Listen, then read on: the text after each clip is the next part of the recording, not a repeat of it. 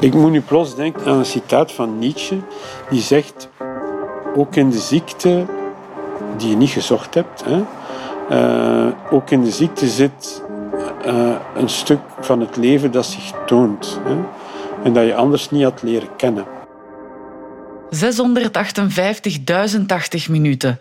Of 475 dagen geleden begon de eerste lockdown. Het begin van een waas, tunnel, een sci-fi film. Nu zetten we onze eerste stappen voorzichtig in de zon. In deze podcast blikken we terug, maar ook vooruit. U hebt geen nieuwe berichten. Een podcast van Margot Otte en Jan Heijman. Met steun van de VGC. In deze laatste aflevering gaan we op een filosofische wandeling met Wim de Temmerman. We duiken ook in onze eigen hersenpan met neuropsycholoog Lars Kosters. Maar we keren eerst terug naar de tuin van Koen Pepermans.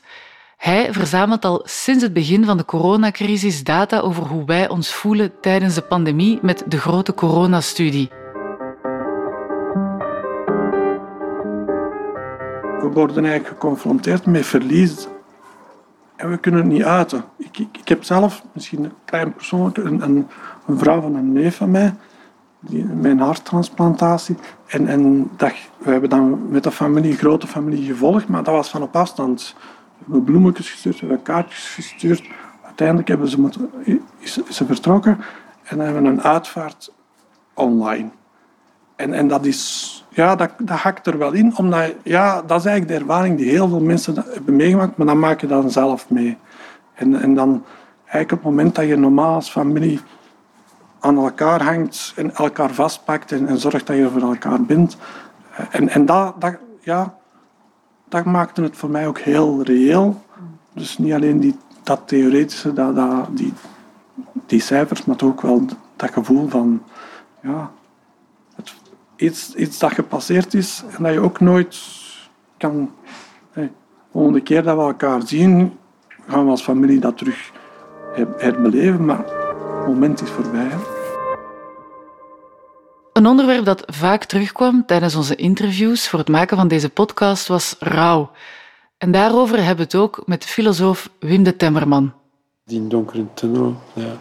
Ik hoorde nu in, in de in tv, denk ik, was het, een, een, vrouw, en ik moest ook aan die COVID terugdenken, die met die watersnood, die haar moeder verloren is. Dus, uh, en dus letterlijk, dus haar zus hield haar moeder vast, want hun huis begon in te storten. En ze vluchten uit dat huis, maar natuurlijk, ze moesten vluchten door het water, dat heel hard uh, veel stroming op zat. En die zus heeft door een omstandigheid dat ze zelf uh, heeft die moeder die in de tachtig al was of in de negentig, dus een oud iemand, moeten lossen en die mevrouw is gewoon meegesleurd. Dat is een voorbeeld van ja, verschrikkelijk verlies. Dus uh, ja, dat is natuurlijk in die mensen donkere tunnel. Ja.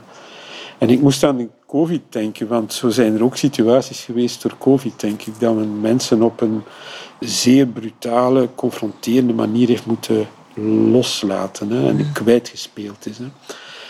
Ik denk, ik zou die mensen aanraden om, om toch nog een soort, als iemand daarmee worstelt, om een soort, en, en dat men dat afscheid niet heeft kunnen nemen en zo, een soort ritueel, maar dan samen een moment te maken. Dus een, een soort afscheidsmoment, dat kan ook later gebeuren. Hè? Dus mm -hmm. uh, ja, verlies is niet.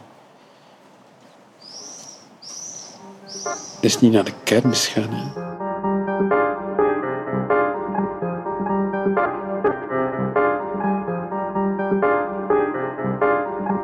Ik zeg altijd zelfvertrouwen, daar zit het woord zelf in. Je moet zelf weten eh, wie, dat je bent en waarom dat je bent wie dat je bent. Maar ja, niet iedereen wil altijd in die spiegel kijken. En, en nu zijn mensen soms noodgedwongen in die spiegel moeten kijken. En als jonge mens is natuurlijk, als, als, zij dan nog aan het opbouwen, die identiteit. En, dat stuk zij ook kwijt. Dat is ook die rouw dat je zegt van, die dan laatst anderhalf jaar is misschien voor sommigen ook het gevoel van ik, ik ben niet gegroeid. Want ik sta nog op het punt waar ik anderhalf jaar geleden stond. Ja, ik denk dat dat vooral is. Dat echt is een verschil tussen wat dat je zou willen, van, van hoe, hoeveel in contact je zou willen zijn met mensen en, en het feit dat je echt bent. Sommige mensen kunnen een enorme nood hebben aan sociale contacten en eigenlijk een, een normaal sociaal leven hebben en toch zich eenzaam voelen. Dat is ook iets waar we bij moeten stilstaan. We hadden je beloofd dat we ook een zijsprongetje zouden nemen in onze eigen hersenpan. En dat is wat we nu gaan doen met Lars Kosters.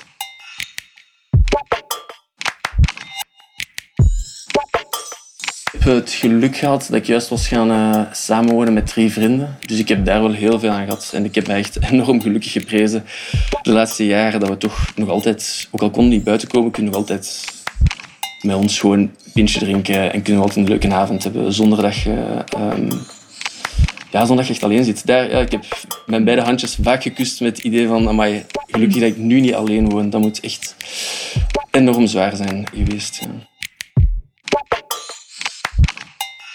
Ik ben Lars. Ehm, ik heb een doctoraat gedaan rond uh, geheugenproblemen bij multiple sclerosis. Dus ik heb uh, experimentele psychologie gestudeerd aan de Universiteit Gent. En dan ben ik een doctoraat gaan doen in medische wetenschappen aan de VUB.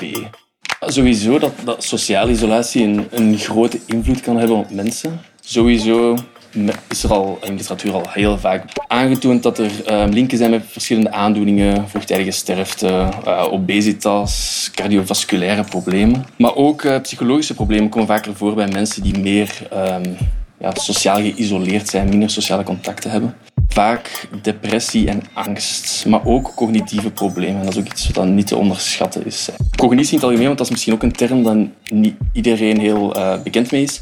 Een overkoepelende term van denkvermogen. is een beetje eigenlijk een betere term als intelligentie. Um, maar je merkt ook dat er uh, wel correlaties zijn uh, met sociale isolatie. En wat we vooral observeren is dat er problemen zijn met um, geheugen en verbale kwaliteiten eigenlijk. Het is vooral ook het geheugendeel wat ik zo op in wou pikken, wat wel eigenlijk interessant is.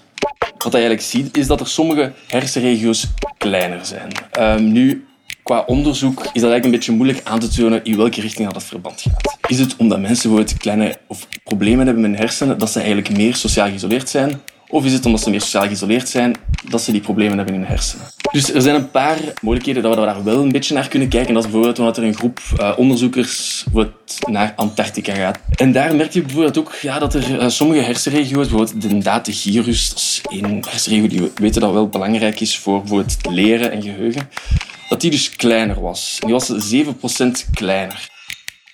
Sowieso, de hersenen zijn heel plastisch. Dat is sowieso iets wat dat veel mensen misschien kan verbazen. Hersenregio's kunnen, kunnen krimpen. Dat betekent dus dat er minder cellen zijn. Hersencellen kunnen, kunnen groter zijn bepaalde mensen. Sommigen kunnen zeggen dat er meer hersencellen zijn, dat er meer, zogezegd, een getrainde stukjes van de hersenen.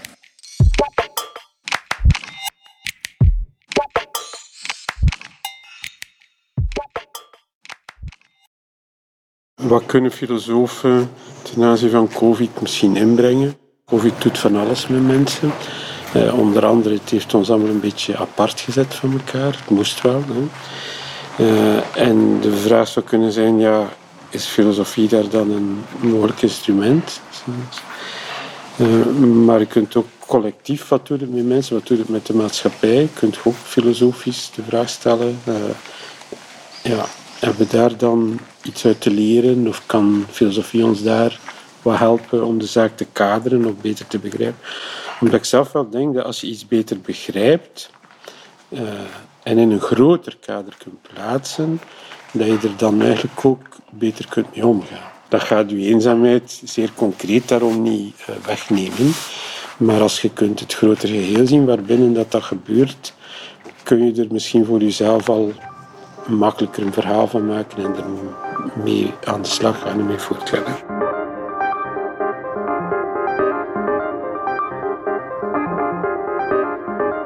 Had het gevoel dat de maatschappij daar getoond heeft dat we dat er soort in de eerste lockdown een soort krachtigheid was met die witte lakens enzovoort. Het was allemaal behoorlijk symbolisch en emotioneel, maar het had ook iets van wij samen. Mm Dat in de tweede lockdown de maatschappij had toch niet zoveel draagkracht om die crisis verder aan te kunnen, als ik de indruk. Mm En met draagkracht bedoel ik niet dat mensen zichzelf ehm, inderdaad dan ja, zeggen: Mijn project gaat ten onder, maar ik vind het niet erg. Nee, dat is geen draagkracht, dat is, uh, dat is masochisme. Hè? Dus ik versta perfect dat mensen zeiden: Ik vecht voor waar ik voor sta. Maar er was iets anders in de lucht. Er was iets in de lucht van: We willen onze vrijheid terug ik noem het zo, de soapmens kwam naar boven. En wat bedoel ik met de, de soapmens?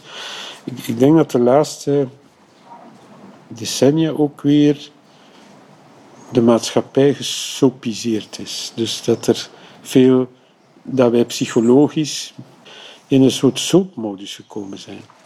En ik denk dat dat heel bewust ook een stukje ontstaan is samen met het neoliberalisme zie je de opkomst van soaps. Soaps zijn, niet, zijn er niet altijd geweest. Hè. Uh, de jaren tachtig komt het neoliberalisme op. Dat is niet het liberalisme, dat is een extreme vorm van liberalisme. Dus we mogen dat niet verwarren. Hè. Men zei, grote verhalen zijn gevaarlijk. Hè. Grote verhalen, de wereld veranderen. Uh, kijk, zie wat dat geeft. Het communisme, verschrikkelijk. Het nazisme, die hadden allemaal grote verhalen. Niet doen. Grote verhalen zijn gevaarlijk. Men zegt aan ons allemaal, houd u maar bezig met uw geluk, met uw klein verhaal. Dus eigenlijk, en dan zit je in de soap. Jij en je vrienden, die titels van die soap zijn friends, neighbors, buren, familie. Dat gaat altijd over de kleine wereld rondom u. En in die kleine wereld, ehm, wat is daar dan belangrijk? gelukkig zijn. In de zin van genieten, consumeren, feesten, je amuseren. Een, een leuk leven hebben voor jezelf en de mensen rondom je. Ik denk dat dat de draagkracht heeft aangetast van onze maatschappij om crisissen te lijf te gaan en te overleven. Met Wim hebben we het tot nu toe vooral gehad over hoe we omgaan met een crisis. Koen heeft met de grote coronastudie vooral gekeken naar hoe mensen reageren op de maatregelen en of ze zich eraan houden. En dat is volgens hem toch wel goed verlopen. Eigenlijk, globaal genomen, hebben heel veel mensen echt wel hun best gedaan. Ik denk dat dat de les van het afgelopen anderhalf jaar is. Van, uh, mits een goede duiding, goede communicatie, denk ik dat je mensen wel meekrijgt in een verhaal.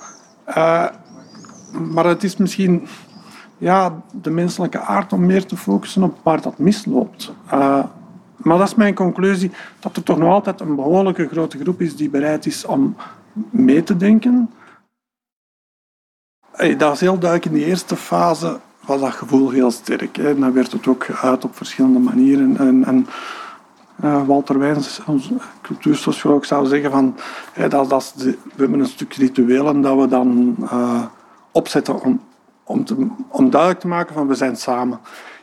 In die tweede fase, na de zomer, was, was er heel veel meer ruimte voor, voor ergernis. Je ziet dat ook in het publieke debat. Uh, dingen worden veel meer in vraag gesteld. Ik zeg ook niet onterecht soms. Ik, bijvoorbeeld de juridische basis van maatregelen is belangrijk. Maar je merkt dat dat, dat stuk solidariteit toch wel afgenomen is.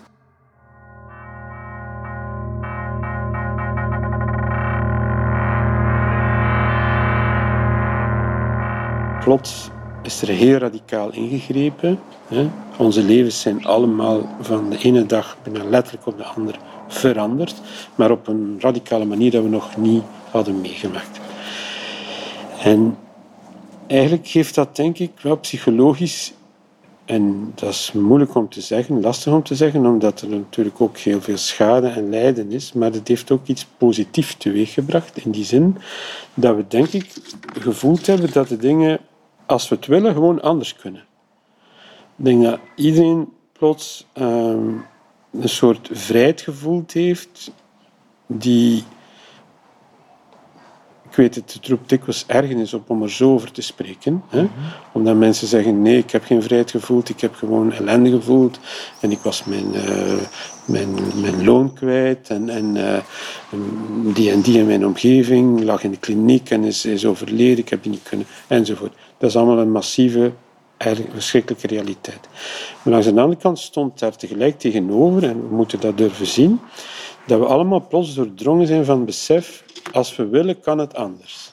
En ik denk dat we dat een beetje kwijt waren. Als groep, als, als als maatschappij. Dus dat je gewoon effectief, want iedereen zit te denken, wat moeten we doen met al die inderdaad problematieken waar ik het net ook over had, dus opwarming van klimaat enzovoort. En dat... Nee, het is niet te groot, hebben we nu gezien, ineens.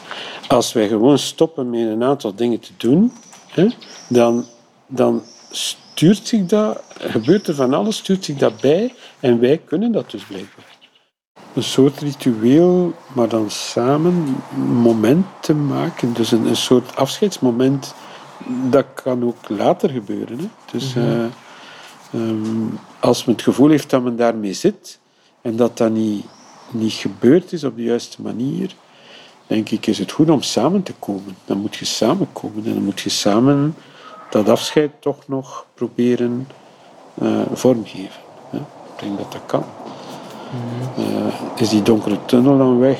Niet per se, maar niet volledig. Die bent daar doorgegaan, sowieso. Maar ja, een tunnel heeft toch ook altijd een uitgang. Hè?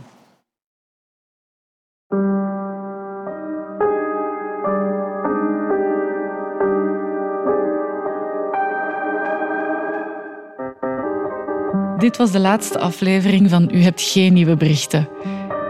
Over 10 of 15 jaar gaan we hier misschien vol ongeloof nog eens naar luisteren. Jan en ik willen graag iedereen bedanken die zijn of haar verhaal heeft gedaan. Want we zijn nog geen tien jaar verder en op dit moment deed het ons wel echt deugd om te horen dat iedereen ergens is doorgegaan. En ook vooral dat er zoveel goede dingen uit de pandemie zijn gekomen. Bedankt ook aan jou om te luisteren. Mijn moeder zegt altijd als ik ergens mee zit: als jij het voelt, dan voelt iemand anders ergens op de wereld dat ook. Wel, laten we dat vooral niet vergeten.